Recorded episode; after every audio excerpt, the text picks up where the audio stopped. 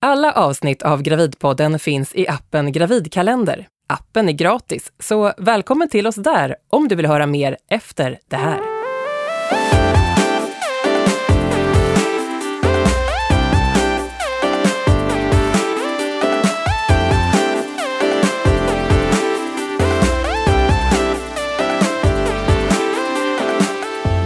Tjockare hår och hy som en ros. I det här avsnittet av Gravidpodden från Babygruppen pratar vi utseende under graviditeten.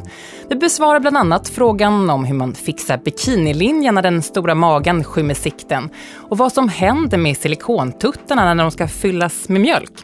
Dessutom om förlossningspimpande, varför man är vacker när man är krystar och om fosterfett som kanske kan vara världens mest effektiva antirynkkräm. Jag som leder Gravidpodden från Babygruppen heter Anna-Karin Andersson och vid min sida har jag som alltid den glada och kompetenta barnmorskan Åsa Holstein. Hej på dig! Hej, hej, säger den glada och kompetenta barnmorskan mm. Åsa Holstein. du Åsa, det kan verka lite ytligt det här att prata utseende under graviditeten. Det har man väl annat att tänka på, eh, kan man tycka. Men vi ägnar ändå ett helt program. Varför då? Fantastiskt, mm. för att vi är ytliga. Vårt samhälle är otroligt baserat på utseende. Och det är väl inte konstigt om man funderar en del kring hur man kommer se ut som gravid. För man vet att kroppen kommer förändras. Eh, och hur kommer det att påverka mig? Kommer jag bli så här snygg gravid med en liten kula? Eller kommer jag bli så här ful gravid? Just det, flodhästen och den lilla precis. Mm. Pinglan. Mm.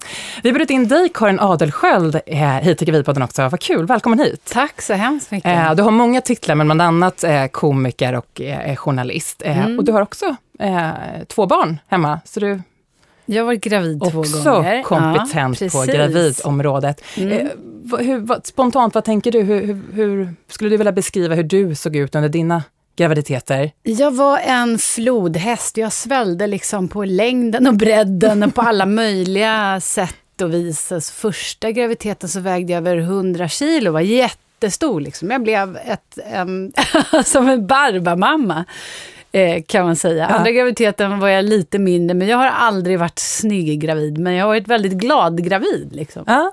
Så du hanterade Barbamamma-figuren?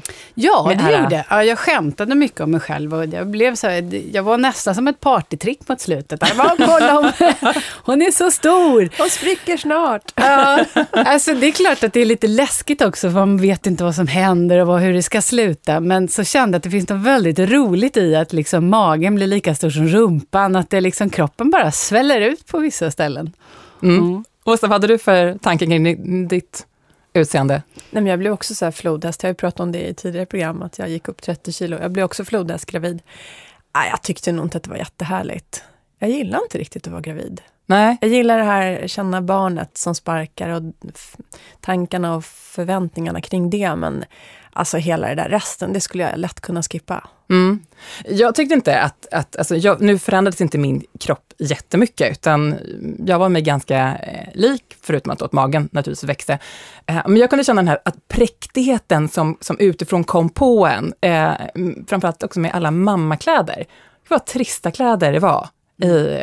Eh, som, mycket prickigt. Mycket varför ska det vara så, varför ska man ha på lite, så mycket prickigt? Och det annan, annan färgskala också. Ja. Plötsligt kom så här olivfärger och mm. brunt in som man aldrig har annars. Ska börja jobba på kontor plötsligt. Så ja. var ju kläderna signalerade det. Ja. Men det är så kort tid man ser ut så här, så det är klart att jag inte tyckte det var roligt att vara en flodhäst. Men å andra sidan så var jag så här, så länge man mådde bra och barnet mådde bra så kändes det ju ändå ganska... Fick man bjuda lite på det och sen så jäkla tur att man inte är gravid så länge som... Vilka djur är det som är gravida så 15 år? Elefanter va? ja, just det. Ja, precis. Mm. Eh, vi ska prata mycket om utseende både under graviditeten, under förlossningen och om mammakroppen efter förlossningen. Men jag tänkte att vi allra först skulle beta av eh, programpunkten Sant eller falskt. Och då kan du, Karin, bekvämt luta tillbaka, för det är du, Åsa, eh, som ska vara på spänn här. Är du beredd, brukar jag säga? Jag är redo.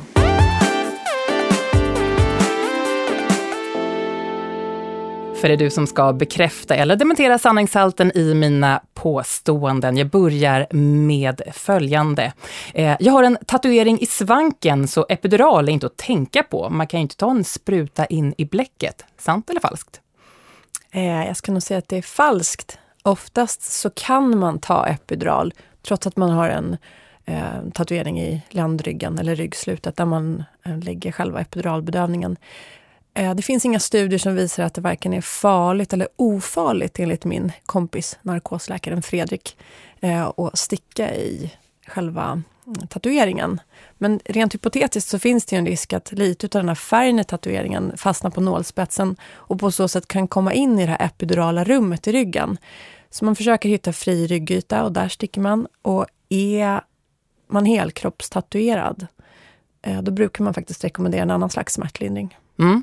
Långt svar. Ja, mm. väldigt mm. långt. Ja. Vi går vidare och hör eh, om det är sant eller falskt att min kropp aldrig kommer att bli återställd efter en graviditet. Bara att tacka för de åren som pingla som varit. Det är ju falskt. Och det är upp till dig. Alltså det är klart den kommer bli återställd, kroppen. Den kommer bli en ny slags kropp. Ofta mycket bättre, mycket snyggare. En ny pingla mm. träder mm. fram. Eh, jag har använt fillers till mina läppar, men det måste jag ge upp nu när jag blir gravid. Sant eller falskt? Fillers går bra att använda när man är gravid. Däremot så ska man inte använda botox. Eh, med stor mage framstår jag som osexig i andras ögon. Sant eller falskt? Falskt. Vi har ju pratat sex och graviditet i ett tidigare avsnitt. Det är ganska många som går igång på gravida kvinnor. Ja, både kvinnor där. och män. Ja. Mm. Eh, härligt. Eh, navelpiercing, det måste jag ta bort när magen växer. Ja, sant. Det brukar man rekommendera. Mm. För att eh, ut, äh, uterus, säger jag nu, så här barnmorskeaktigt. Livmodern växer ju, så det blir ett ökat tryck mot huden, så den kan bli riktigt ful under piercingen om man inte tar bort den, och större risk för infektion. Mm. Ful fick ni in där också, utseendeprogrammet. Ja. Utmärkt. Eh, slutligen, när jag blir mamma måste jag ha en lättfixad frisyr, så det är bäst att fixa en friss under graviditeten som funkar för föräldrarollen. Falskt. Ja min frisör, vi pratade om det där, jag var där och klippte mig igår. Hon bara, det borde vara förbjudet för kvinnor som är gravida och ett halvår efteråt att ändra frisyr och stil. Så behåll den frisyr du Ja, gör det.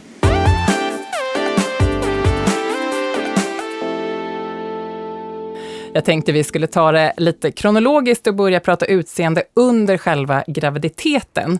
Eh, jag ska säga att vi primärt inte kommer prata om kroppsstorlek och vikt, eh, för vi har gjort ett avsnitt om just eh, vikt. Så den som är intresserad av eh, bara veta allt om Åsas gravidkilon eh, får gärna lyssna på, på viktprogrammet.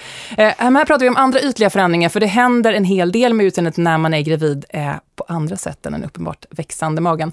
Och Karin Adelsköld är med i Gravidpodden eh, den här gången också. Eh, vi pratar frisyr här i Sant eller falskt, om vi tar avstamp där. Eh, vad händer med med håret. Fixade du någon speciell frisyr, Karin? Nej, det gjorde jag inte alls. Men mitt hår mådde väldigt bra under graviditeten. Gjorde det? Det har väl med hormoner att göra. Det blev lockigare än vad det varit mm. innan. Eh, det blev liksom glansigt. Inte alla perioder. Innan tolfte veckan där så var, man ju, så var, var det ingen lyster någonstans. Men sen mådde jag väldigt bra. Då, både huden, hyn kändes bättre och håret var glansigare. Så det var faktiskt, det var topp. Ja. Och jag tyckte också jag blev rosigare om kinderna och jag mådde ju väldigt bra under mina graviditeter, så jag, jag tror att det syndes också i hur jag liksom strålade. Ja, Barbamamman var glad. Så Barbamamman var liksom stor och bubblig, men ganska strålande. Sådär. Ja. Mm. Men, så är det hormonerna som gör att håret, för det, det känns ja. igen på något sätt att, att många håret upplever blir, att håret ja, blir det blir oftast mycket bättre. Tjockare, man tappar mindre hår. Mm. Och sen när man har ammat ett tag, ungefär efter sex månader, då börjar det här håravfallet Jaha, så det man bygger kraftigt. upp under graviditeten, det ja. rasar sen av? Så ofta får man tjockare hår, eh, blankare hår, Eh, och lite mörkare kan håret bli, mm säger frisören också. Någon mm. nyans eller två. Ja. Och så brösten, dessa ljuvliga, stora, fasta, härliga som jag liksom nästan inte lät min man peta på, för jag var tvungen att röra dem själv hela tiden. Men det var ju också helt underbart. Och där var det, de, de kom ju igång tidigt ju. Ja. Och växa menar du? Och, och växa mm. och bli så här härliga, uppnosiga. Eh, så det tyckte jag var men nu, nu håller vi oss under graviditeten här, sen blir det en annan story. Men, men just det tyckte jag var jättehärligt. Ja, och det gillade du också? Ja, det tyckte jag också. Jag som har minus A-kupa tyckte det var skitläckert. att få mm. lite, så här, lite mer än bara vadden.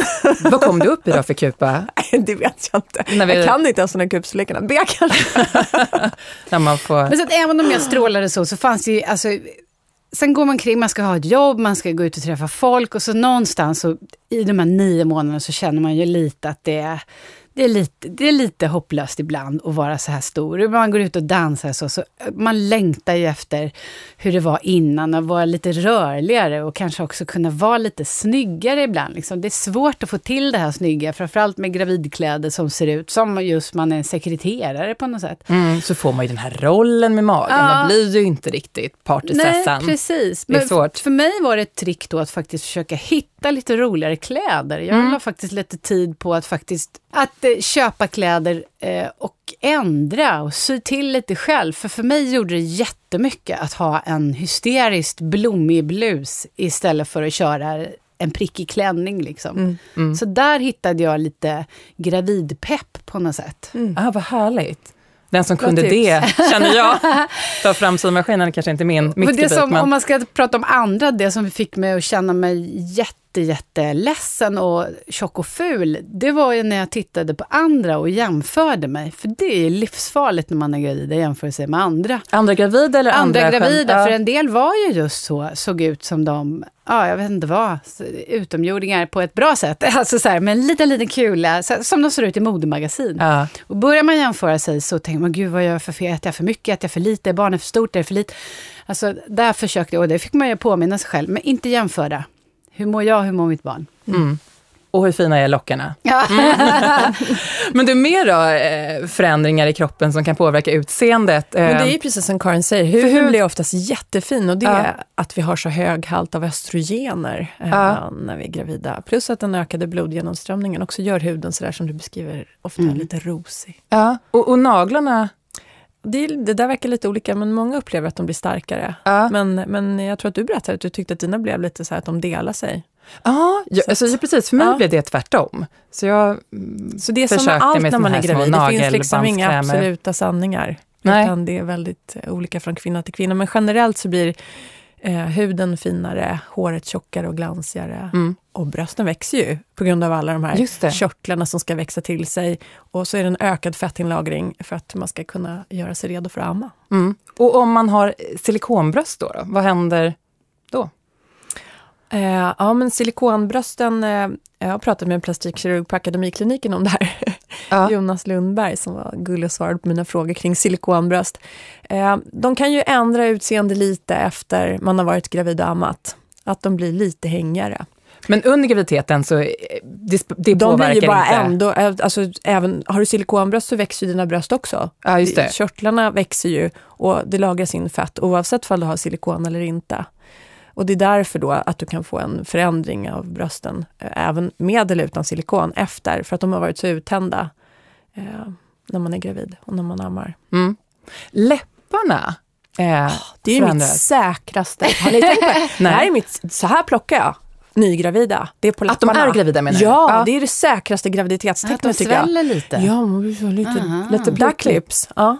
Jaha. Gud, nu kommer alla ja. gå runt på alla jobb. Alltså bara, nu, inte det är inte längre läppar? Ja, det är inte längre det här vinglaset eller inte. Utan så nu, är det. Ja, Ofta blir de lite håller vi koll. Mm. Och hur är det med eh, höft? Det, det sägs att, att man kan få bredare höfter, större fötter, att, liksom, att man växer lite på ja, mer men, än... Ja, men man får ju lite bredare höfter efter man har fått ja. barn. Och det är ju de här graviditetshormonerna, framförallt ett hormon som heter relaxin, det eh, finns ju där för att man ska kunna bli lite bredare Släpper i höften. Liksom. Precis. Du ska ju få ut det här barnet, det ska ju finnas utrymme för det här barnet att födas. Och det tänkte jag mycket ja. på, för att ja. jag svällde något enormt. Ja. Jag är stor rumpa ändå, den ja. blev gigantisk. Tänkte, Gud, har jag ungen där bak eller? Vad? Men det går ju tillbaka det mesta, eller hur? Det går tillbaka och så, så tänkte jag så här, men då kanske det blir lite lättare under förlossningen. Men nu breder jag väg här, det blir motorväg får man tänka, ja. precis. Work with what you got. ja, precis. Men ofta tycker jag man får lite platt, har ni tänkt på det? Man får lite plattare rumpa efter man har fått barn. Det liksom händer någonting med sätesmuskeln, den liksom äh, plattar till sig lite. Tycker Eller du det? det? Ja, ja, det är min reflektion. Just det, men nu går händelserna i förväg Åsa, för nu håller vi oss till graviditeten. Det är helt okej. Okay. Du är fortfarande... Ja. Men nu är vi inne mm. i bubblan mm. med den stora magen. Och det här väcker också tankar då om det som ligger i magen, för det är ju inte bara fokus på det egna utseendet, utan nu börjar också det här poppa upp om hur ser det här livet ut som är i magen? Eh, känner ni igen det? Hade ni funderingar kring vad som skulle komma ut och hur det skulle se ut? Självklart. Ja. Jag tänkte jättemycket och vi tog aldrig reda på vad det var för kön. Så att vi, det, var liksom, det kunde vara vad som helst, ja. höll jag på att säga. Och ett tag där i desperationen när man tänker, jag gick över tiden, det kanske inte, tänk om det bara är en stor, jättestor bajskorv. Ja. Nej men alltså man blir till sist, det känns ju helt overkligt, framförallt första gången man ska ha barn. Men vi funderar jättemycket på det. Och jag försökte läsa på väldigt mycket. Jag bruna ögon och barnens pappa bruna ögon. Blir det då bruna ögon? Och hur blir det med lockigt hår? Hur blir det? Med så här? Ja, ja. Sen finns det massa roliga appar och hemsidor där man liksom kan lägga in bild på sig själv och bild på pappan och så kan man se vad det blir. Sånt gjorde jag mycket. Aha, mm. blev det så då? Nej, inte alls. Nej. men ändå är det något bekant över dem ju när de kommer. Ja, men, ja, men det är klart det är sådär. Liksom. Ja. Men det har man ju mycket tankar. V vems näsa och mm. vems haka kommer man känna igen dem? Och, och de förbjudna tankarna. Ja, tänk, tänk om, om barnet är inte är gulligt. Precis. Ja. Men min dotter, min första mm. barn, hon var ljuvligt vacker. Hon hade så här massa lockar när hon kom och jättesöt som en liten docka. Min son, han var jätteful. Och nu tänker ni, tänk om man hör det här. Men vi har faktiskt pratat om det och skrattat om det. Han var så stor så han blev så ihop tryckt liksom, så han såg ut som en eh. Paolo Roberto. Ja. fast liksom... Men han fast, är väl okej? Okay? Ja, ja, fast, fast kanske en ful inte Paolo ja. Roberto.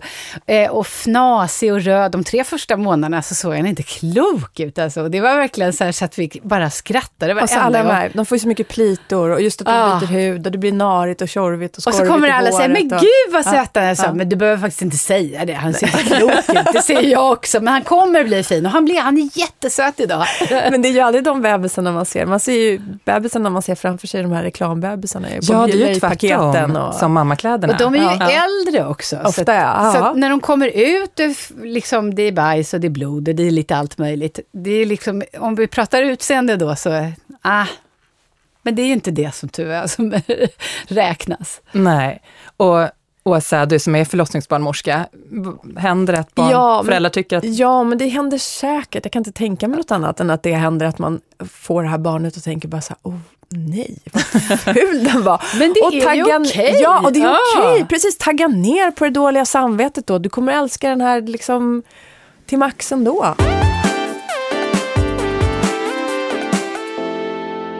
Då går vi in på under själva förlossningen i Gravidpodden där vi pratar utseende. Eh, som sagt, Åsa, du är ju förlossningsbarnmorska. Hur vanligt är det att, att kvinnor pimpar sig för att komma in och föda? Förlossningspimpar sig? Ja. Ganska vanligt skulle jag säga. Ja, på vilket sätt? Eh, håravkortning i alla dess former, raka benen, eh, fixar till eh, underlivsfrisyren, om man nu gör det. Eh, definitivt har man oftast duschat. Eh, kanske fixat fransar och bryn, så man inte ska behöva ha smink. Ja, det är inte alls ovanligt. Eh, och inte heller ovanligt, om man inte hinner duscha eller raka benen, att man då ber om ursäkt när man kommer in. Och förlåt, det var så bråttom, jag hann inte duscha och raka benen. Det gör ingenting, det är helt lugnt. Ja. Men vad, vad, är det som gör, tror du, att man eh, fixar sig men det är säkert olika faktorer. Jag tror dels så vill man väl känna sig fin, tror jag. Och sen är man ju utelämnad eh, när man föder barn. Ja. Um, och så kanske man tänker att man vill vara fräsch, liksom, för de här som ska hjälpa en. Ja, men inte fixar sig alla. Nej, det är klart att inte alla fixar sig. Jag tycker det låter jättekonstigt. Ja, nej. Jag tycker det låter hemskt, ja, nej, men Det är vanligt. Men det är klart att inte alla fixar sig. För jag tänker, ja, jag tycker usch vad synd. Om mm. man tänker på utseendet när man föder, då får man... Jag skulle säga att om jag hade gjort det hade jag fått ondare. För allting handlar ju om att slappna av och Precis, ta det lugnt. men då tror jag att det också kan vara en sån här faktor ja. att, att man gör det som förberedelse för att kunna slappna av. Ja, att man det. inte vill ligga där och tänka att oj, jag borde rakat benen, utan Nej. då har man faktiskt gjort det. Men det beror ju på, är man van att raka benen, då, ja. då kanske man tycker det är viktigt. Men Karin Adelsköld, du, du hade inga sådana? Absolut inte. Hur kom nej, du in då till förlossningen? Nej. Och jag kom in i en stor blöja första gången och jag visste inte om vattnet hade gått eller inte. Det var så roligt och barnmorskan sa, ge mig blöjan. Va? Ge mig blöjan får jag se. Och så luktade hon, ja det är vattnet som håller på att gå. och sen sen, eh, alltså första barnet så, eh, det kom väldigt mycket bajs och sånt där. Och då vet jag att jag faktiskt sa så här, ursäkta, för de fick öppna fönstret för det blev så, luktade så illa. Men jag tänkte ju inte på hur jag såg ut, inte ett dugg. Jag låg där naken liksom och skrek som en ko. Och det var någon slags, alltså det, det blir inget mer ursprungligt än så här. Och då tänker jag, fan, med inte raka ben, alltså det är aldrig livet. Nej, härligt befriande. Vad härligt, jättehärligt. Och det tycker jag också att när man kommer in och väl föder sen, så visst, allt det där släpper ju. Det där man tror ska vara viktigt ja. innan, det är kanske är därför man också tycker det är viktigt att göra de här förberedelserna. Det är ju inte viktigt när man föder, då är det ju andra saker som är mycket viktigare. Ja, det är ju det. Och jag tror att man ska lita på det om man lyssnar på det här och inte har förlossning. Det spelar ingen roll när man är där. Då spelar det bara roll att man har folk omkring sig som man trivs med och man kommer ba, bara liksom fokusera på sig själv och så. Men det där har varit trender i. Jag vet att min mamma, de gjorde ju alltid lavemang på 70-talet innan mm. de åkte och föddes, så att det inte skulle komma bajs på barnet. Idag vet man ju att det är, finns en, faktiskt en biologisk eller en, en, en funktion för bajset, för att man behöver de bakterierna. Mm. Men det är ju att vi har kommit så långt bort från det naturliga. Mm. Och men att man som... också rakade hela underlivet förr har jag hört på ja. vissa förlossningar. Ja, det för att man, man skulle... Det skulle vara med hygieniskt. Hygieniskt, ja. Mm. ja. Vad man ska tänka på är att det är ju nästan bara kvinnor där. Och tycker man att min man ska inte få se allt det här, då får han stå uppe vid huvudet då. Och sen är det, det här är liksom, det här är kvinnor, det här är vår tid, det här är vi som bestämmer, det är vi som är drottningarna när vi föder. Sen får alla andra anpassa sig. Mm. Men, men, du säger jag, till dig att bara... nej, så är det inte. Nej, men jag tycker att det är asbra. Jag önskar att kvinnor vågade ta makten över sitt födande igen.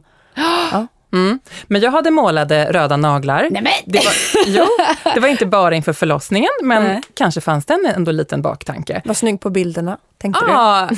Ja, eller att... Eller ärligt, var det Erland, så? Ärligt, eh, kanske bemötandet för att du är i den utsatta positionen och du tappar så mycket av dig själv och någonstans vill du ha kvar. Om jag hade problem med de beiga mammakläderna, förstå då i den här positionen som ni nu har sett, Karin stå och skrikandes naken, eh, då, då fanns det ändå lite kvar av mig med mina röda naglar. Ja. Eh, ytligt, men ärligt. Ja. Men det kanske är just så som du säger, alltså om det är en stor grej att man har hår på benen, ja, då är det ju bättre att ta bort det så att du inte tänker på det. Men sen så tror inte jag man tänker på håret på benen alltså när man ligger där. Nej, det är klart du inte tänker på det. Du tänker på annat. Mm. Mm. Men, men, men eh, du har ju historier kring att folk faktiskt har brytt sig ganska mycket om eh, utseendet Åsa. Eh, för att om man då bryr sig om att eh, fixa till eh, sitt underliv med en liten frisyr, eh, så kan ju det ställa till det om man har en stor mage som skymmer sikten. Det, ja, det är inte helt lätt att komma åt se. om man Nej. Se till. Så hur gör ja. man? Nej, men det finns alla möjliga olika sätt som man kan göra på Fixa eller ut en lina på Facebook, det var ju så himla roligt. Eh, fick tipset att man kan använda sig av en pepparkaksform. Och så och rakar man raka runt omkring. Ja, då kan man också välja olika en stjärna, ett hjärta. Eller en pepparkaksgubbe. Precis, en gris en gran. um, eller ta hjälp av andra. Precis, ta hjälp av andra. Lägga en spegel på toalocket, uh, gå på salong och vaxa. Då har jag den här jätteroliga historien från förlossningen. Ja, berätta. Uh, det kom in ett par, hon var ganska tidigt, hon var inte riktigt liksom igång i aktiv förlossning, så det var inte super, superjobbigt. Och första barnet, de brukar vara så entusiastiska när de kommer in, nästan lite så här fnittrigt höga. Men här märkte man att det var något, de hade någon liten schism, hon och han. Ja. Um, och så skulle jag vaginalundersöka och hon bara ville inte ta av sig trosorna. Och så visade det sig att då hade han ju, precis innan de åkte in, då skulle han hjälpa henne och, och frisera till henne. Och hon tänkte att hon skulle ha en, um, som, som en avlång liten hår test liksom, från övre delen av slidmynningen och ner. Eller liksom, ja, från övre delen av slidan och ner, från klitoris och ner till slidmynningen helt enkelt. Och han hade rakat en Hitlermustasch. På fel led? ja, han hade liksom rakat åt fel håll. Och de hade blivit ovänner. Och sen så, det jag inte fattade var varför hon inte hade rakat bort allting, men det hade hon inte gjort. Hon ville ändå ha lite hår. Liksom. Men sen hade vi otroligt roligt åt det där. Ja. Ja, så det vändes till någonting positivt. Härligt. Mm. Eh, någonting som man kan missa då, du som har sett alla dessa kvinnor eh, föda, är, är det någonting som, eh, av de pimpande damerna som man ändå kan Fötterna. glömma bort? Du menar det? Ja. Fötterna. Ja, jag hade kanske inte målat tånaglarna, nej. Nej, men hur menar du? Nej, men det här blir ju för tragiskt alltså. Man kan inte hålla på. Alltså jag förstår att folk, men jag tror folk hetsar varann. Men det är, det är viktigt att, att berätta så. liksom. Jag ja. var så buskig ja. och så stor. Så att det var liksom, men ja, nej, nej, nej. Jag blev nej. ledsen. Bra, Håll inte på. Nej. Och den som nu blir skitförbannad på mina rödmålade naglar ska nu också få veta av vår barnmorska Åsa att man faktiskt, precis som du är inne på Karin, är, är vacker när man föder. Hur menar du då? Nej men man är ju sitt vackraste. När man krystar, du menar inte ja, allvar? Jo, jag menar verkligen allvar. Jag tycker det. På vilket sätt? ja men du har ju den här, du har den här huden som är så här rosig och, och slät och du har det här tjocka blanka håret och du har den här kvinnan och den här kraften. Mm. Modet, det här fokuset. Eh, jag tror aldrig att vi kvinnor är så vackra som precis när vi föder.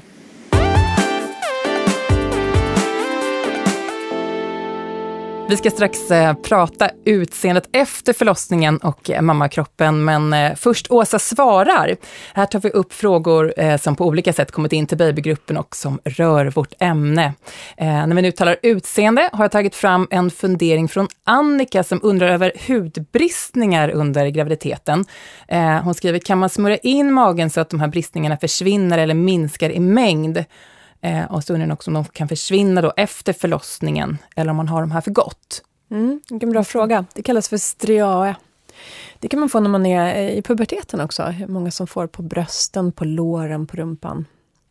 Och det är för att eh, eh, huden tänds ut ganska så snabbt. Och så tror man också att det beror på hormonella förändringar. Det finns väldigt mycket dyra salver man kan köpa. Funkar de då? Nej, men vad jag har kunnat se så finns det ingen vetenskap för att det, det funkar. Utan är det så att man är genetiskt disponerad, verkar det som att man kan vara, för att få såna här eh, stretchmärken, som man också kallar dem för. Då får man det oavsett om man använder den här dyra salvan eller inte. Mm. de, brukar blekna, ja, ja, de brukar blekna med tiden. Ofta kan de bli ganska blålila eh, och de uppträder i större utsträckning mot slutet av graviditeten när magen är riktigt stor. Eh, och sen så bleknar de med tiden och blir lite så silverfärgade mm. ränder. Kan det vara på fler ställen än just magen? Mm, magen, höfterna, stussen, brösten också. Allt som växer då helt enkelt under? Ja, precis. Men om man då, då det, kan, det försvinner inte helt, men om man har fått en viss färg så kan det minska Precis, lite den efter. Brukar, den, brukar, den här blå färgen brukar gå tillbaka och bli mer silveraktig. Men en del kvinnor som har haft riktigt kraftigt, då kan de fortfarande ha röda, ganska tydliga såna här märken. Mm, men gör något roligare för pengarna än att köpa dyra krämer. Ja, men det kan man väl göra om man vill och tycker att man mår bra av det. Liksom. Men, men man ska veta att de antagligen inte hjälper särskilt mycket.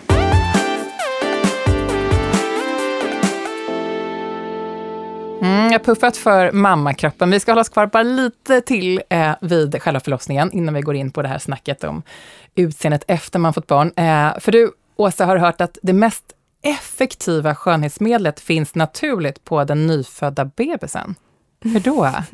Den nyfödda bebisen har det här som är fosterfett, fosterfettet. Vernix kallas det för, det vita fettet. En del barn har väldigt mycket, en del barn har inte särskilt mycket. Oftast blir det mindre ju, ju mer dagar över tiden man går. Ja, då byggs ja. det upp? Ja. ja, alltså då blir det mindre om, det, om du föder över tiden. tiden liksom. ja. Ja, och vad innehåller fosterfettet då som är så bra? Ja, men det är ju mycket vatten, det är fetter och det är proteiner. Det verkar som att det finns några proteiner i det här fosterfettet som man inte hittar någon annanstans. Och sen så är det um, antibakteriellt. Så otroligt verkningsfullt är det. Och då var det en rysk barnmorska som berättade för mig att i Ryssland på förlossningsklinikerna, där tjänar barnmorskorna extra pengar på att skrapa bort det här fosterfettet och sälja det till kosmetikaindustrin. Du skojar? Mm. Nej, ja det kanske jag gör, men det var så hon berättade. men, så det är så man ska tänka då, som barnmorskan eh, vänder sig om under eller efter förlossningen och Ja, Finns det, då kan man har lite misstänka... vita klumpar under ögonen sen, då kanske hon har tagit lite som rynkreducerande. Nej, men det är otroligt eh, bra fett och det är därför man också eh, brukar rekommendera att man inte ska bada barnen det första man gör. Det gjorde man ju förr i tiden, mm. badade barnen så fort de hade fötts. Men nu så tänker man att det här fosterfettet skyddar huden och är bra för barnets hud. Mm. Inte ska de få rynkor direkt, utan Nej, behåll det vita gucket.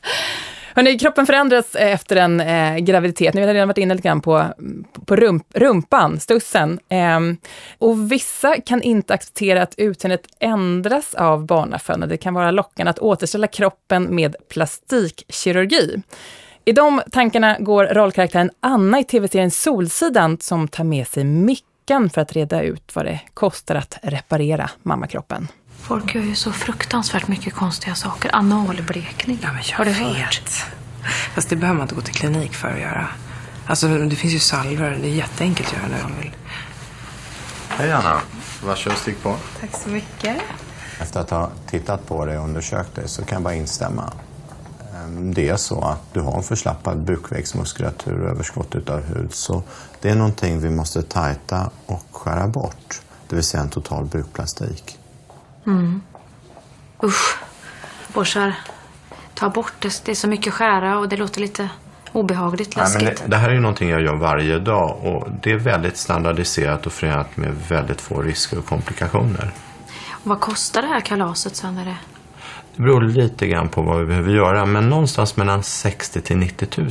Oj! Ja, men det var väl bra. Bra, det, var ju, det är ju som, det är ju som en bil. Ja, men vad då för bil? Vad då för bil? Ja, nu sitter vi här, tre erfarna mödrar. Ja. Har ni gått i de här tankarna? Nej, det har jag inte. Men om man pratar om hur bra jag mådde under graviditeten, även om jag blev en valross, liksom, så var det en chock för mig att se vad som hände med kroppen efter graviditeten och förlossningen. Och jag tror att vi pratar kanske ändå lite för lite om vad som händer efteråt. Till exempel när jag kom hem från BB så skulle jag hoppa i mina vanliga kläder igen. Mm. Och tänkte att men det här går väl bort på en gång. Eh, men det gör det ju självklart inte. Man är ju som gravid i kroppen flera månader, kanske ett halvår till. Och sen är det ju då allting som förändras. Om håret var bra innan så tappade jag massa hår nu. Det blev livlöst och det blev, kändes grått liksom och strävt. Det blev så självstripigt på något sätt. Eh, brösten var ju fantastiska så länge jag ammade, men när jag slutade amma så, så gick jag från att ha haft C-kupa innan, alltså innan jag var gravid, till att få en A-kupa. Och första gången jag gick och skulle prova nya bh efter jag hade ammat klart och, och skulle då skaffa en vanlig bh och inte, mina gamla funkade inte, jag ville inte ha amnings-bh. Så började jag med C, det var ju alldeles för stort. B, det var också för stort. Till sist fick jag ta en A-kupa och jag tog en sån här balkonett. Och det var första gången jag liksom, det slog mig att kroppen ändras verkligen. Jag stod där i det här bleka ljuset i provautomaten, hade tagit på mig en balkonett, tittade ner i den och längst ner i balkonetten skvalpar liksom två små tepåsar kan man säga. liksom två hud... Liksom mer bröstvårta än bröst. Ja, små hudpåsar liksom utan något innehåll i. Och då slog det mig, ja det är det, det här, välkommen mammakropp. Så här ser man ut efter en förlossning. Ja. Och då, då fick jag gå igenom en process så, som svarar på din fråga här. Då hände allt. Liksom. Var, ska man operera sig? Ska man göra någonting åt det här? Ska man acceptera den här nya kroppen? Och hur Tänkte gör du man då? Jag tänkte på allt, jag blev så chockad. Jag visste ju att kroppen skulle förändras, men jag visste inte att det skulle bli så mycket. Det blev ju en ny kropp Mm. som man måste titta på och ta ställning till. Mm. Och här började det, började, det tar ju några år, eller i alla fall för mig, att hitta, liksom, hitta och älska detta nya. Eh, Och för mig hjälpte väldigt mycket att se humorn i det. Det gjorde jag inte från början. I början så grät jag lite och tänkte, ja, det var det här liksom. Hur ska min man kunna älska de här små tepåsarna? Eller jag brukar säga som, som en våt raggsocka med en hockeypuck längst ner, liksom. fast kanske lite mindre. eh, och då i paniken där, bara, gud man kanske ska operera, det är därför alla opererar, de gör någonting. Men efter, efter att ha gått ett tag så ska jag säga, efter två, tre år efter ett barn till, så har ju brösten faktiskt dragit upp sig lite och blivit lite bättre igen. Där har jag Ja, det aldrig... stukar till sig, tänker du, med Det stukar tiden. till sig med tiden. Och det visste inte jag om. Jag visste inte om att det skulle bli så skillnad. Jag visste inte om att det tar faktiskt kanske fem år innan kroppen rättar till sig lite, men att den gör det. Med hjälp av träning och med hjälp av, jag vet inte vad. Men det, Men det är inte bara en självförtroende-boost, att du ser brösten annorlunda. Nej, men det gör jag också ska säga. För sen har jag då under några år, min yngsta är nu nio, så det har gått ett par år. Och jag har ju fått träna mer än vad jag har gjort innan. Rumpan har liksom hämtat upp sig lite, höjt sig lite över havet. Brösten har faktiskt också tajtat till sig lite på egen hand, men framför allt så, så inser jag att jag kan inte jämföra mig igen då med 20-åringar, utan jag måste jämföra mig med kvinnor som har fött barn i min egen ålder och uppåt. Mm. Oh, jag önskar vi kunde fira det där idealet lite mer, eller hur? Att, att det blir lite kulturellt accepterat att det är faktiskt vackert att kroppen ändrar sig. Mm. Och jag vet inte, jag gillar min kropp mycket mer sen jag fick barn. Fast jag förstår precis vad du menar, jag hade också det där. Men sen när man har landat i den här nya kroppen så får man ju en annan respekt för sin kropp. För fasken vad cool den är. Mm. Den har burit det här barnet, den har fött det här barnet, den har närt det här barnet. Eh, otroligt. Jag kan känna att det saknades lite diskussioner om hur kroppen ändras. För det, man får höra så här, men du måste älska din kropp och det, mm. tänk den har fött mm. ett barn. Men när man står där med de här sladdriga och ja, det är... hängröven, då känns det bara, men vad fasen, vad, vad fick jag liksom? Jag fick fantastiska barn, absolut, men min man fick. det där är lite orättvist. Ja, precis. Ja, vad fick han ut av det? Och då kände jag att jag hade nog velat veta att kroppen, du får en chock, du får en kroppschock. Men lugn hjärtat, det kommer bli bättre. Det kommer rätta till sig och med träning kan man lösa rätt mycket. Mm. Har du tränat specifikt eller speciellt just eh, för utseendet, mer än att den här må bra-träningen? Har du tänkt på något? Det har varit en kombination, men jag har jobbat mycket för att få bort jätteröven. Den är ju kvar som ni ser, men den har åkt upp lite grann. Och jag har ju fått mycket snyggare former efter jag har blivit eh, mamma. Därför det, som alltså, jag har ju höfterna kvar men midjan är smalare. Brösten har dragit upp sig lite, de är fortfarande inte så stora som jag hade förr. Det ser men bra ut tycker jag Karin. Ja, men det här är push-up, bakom varje push-up finns ett taxöra. Nej men alltså, och sen just det där att stå för den man är. Jag, jag, skulle skämmas om jag gick med silikonbröst. Jag skulle faktiskt göra det. Jag tycker inte man kan, man kan inte säga, ja nej. Mm. Eh, vad har gjort att du eh, efter tre eh, graviditeter Åsa, känner dig mer nöjd med din kropp eh, idag än, än innan? Ja, men dels precis som Karin säger, också gått igenom den där processen. Liksom. Eh, jag var till och med på en sån här bröstförstoringskonsultation. Men det blev inget? Nej, det blev inget. Det är inte för mig. Men jag, liksom, där måste ju varje kvinna vara sig själv närmast. Nej, det blev ingenting. Nej. det var en helt surrealistisk upplevelse. De drar liksom ut bröstvårtorna och så mäter de en linjal. Nej men gud, ja, det var verkligen festligt. Så finns det ju många liksom, så magen är ju som den är. Det blir en degklump där, den, den är kvar för alltid. Och eh, alltså det finns ju några funktioner med det här också. Min son säger fortfarande att jag har världens mysigaste mage att ligga på. Man behöver ingen kudde. Jag tänker så här, det finns liksom, det finns något gosigt med den här kroppen som är mjuk och gosig. Så jag var ju på mammografi här för två veckor sedan mm -hmm. och var så glad över att mina bröst inte var fasta små C-kupor. Det gick ju att rulla ut dem och trycka in dem på det här glaset och det gjorde inte ont ens. Va? Nej, men jag tror att det är precis där, humorn. Humorn ja. är en nyckel till, liksom, man måste garva lite åt det. Och sen, jag har ju tränat en hel del också, både för att må bra och för att liksom komma tillbaka i mm. kroppen, måste jag ju ärligt erkänna. Mm. Inte bara för att må bra, utan också få fänga. Mm. Och det är därför vi gör det här programmet, för att det berör oss. Utseendet berör oss. Och Vad som händer när vi är gravida, men kanske framförallt, precis som du säger, efter. Men jag vet inte hur man skulle prata om det. Man är ju inte mottaglig när man är gravid. Nej, det är man inte. Men man kanske skulle veta ändå att du kommer bli chockad, du kommer vara ledsen. Alltså jag, tror att, jag tror att man måste få känna de känslorna mm. ändå. Och att sen de här starta kanske väntar ett tag. De får vänta ett tag. Och jag skilde mig sen. Och för två år sedan så började jag dejta en ny kille. Och då var allt det här som jag hade intalat mig, men jag den här kroppen har fött hans barn, det är klart att han får älska den ändå. Det var ju borta, plötsligt så stod jag där naken med en man som inte, jag har inte fött hans barn. Jag har liksom konkurrerar med andra kvinnor kan man säga. Och då, det var ju också... Och vad sa han till dig? Jag tycker om dig med dina taxar om de går bort, eller vad sa ja, men då? då tänkte jag så här, om jag nu tar av mig kläderna och han säger nah, det där, då tänker jag, men det är ju ingen kar jag vill ha som väljer mig efter brösten. Nu är jag 40, alltså nu får det vara någon, någon måtta får det väl vara. Mm. Och sen får man intala sig, man får påminna sig själv om det där, det är klart. Och jag surfade ju också på sidor och tittade bröst. Tänk om man skulle få snygga bröst. Så tänkte jag, men vad fan, hellre att han gillar mig för någonting annat än brösten alltså. Mm. Men ni var där ändå? vi var där! Men eh, push-up-behån finns. Ja. Karin, du är, ni är båda oss snygga. Tack så jättemycket Karin Adelsköld för att du var med oss i Gravidpodden. Tack. Och vi som alltid är med här, eh, det är jag, Åsa Holstein, barnmorska. Ja, och så är det jag som är den frågvisa då, Anna-Karin Andersson. Och då återstår bara att säga att Gravidpodden från Babygruppen görs av produktionsbolaget Munk. Tack och hej!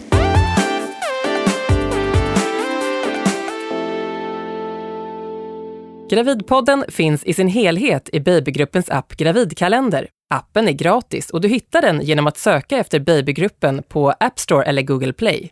Ladda gärna ner appen så kan du höra alla avsnitt av Gravidpodden.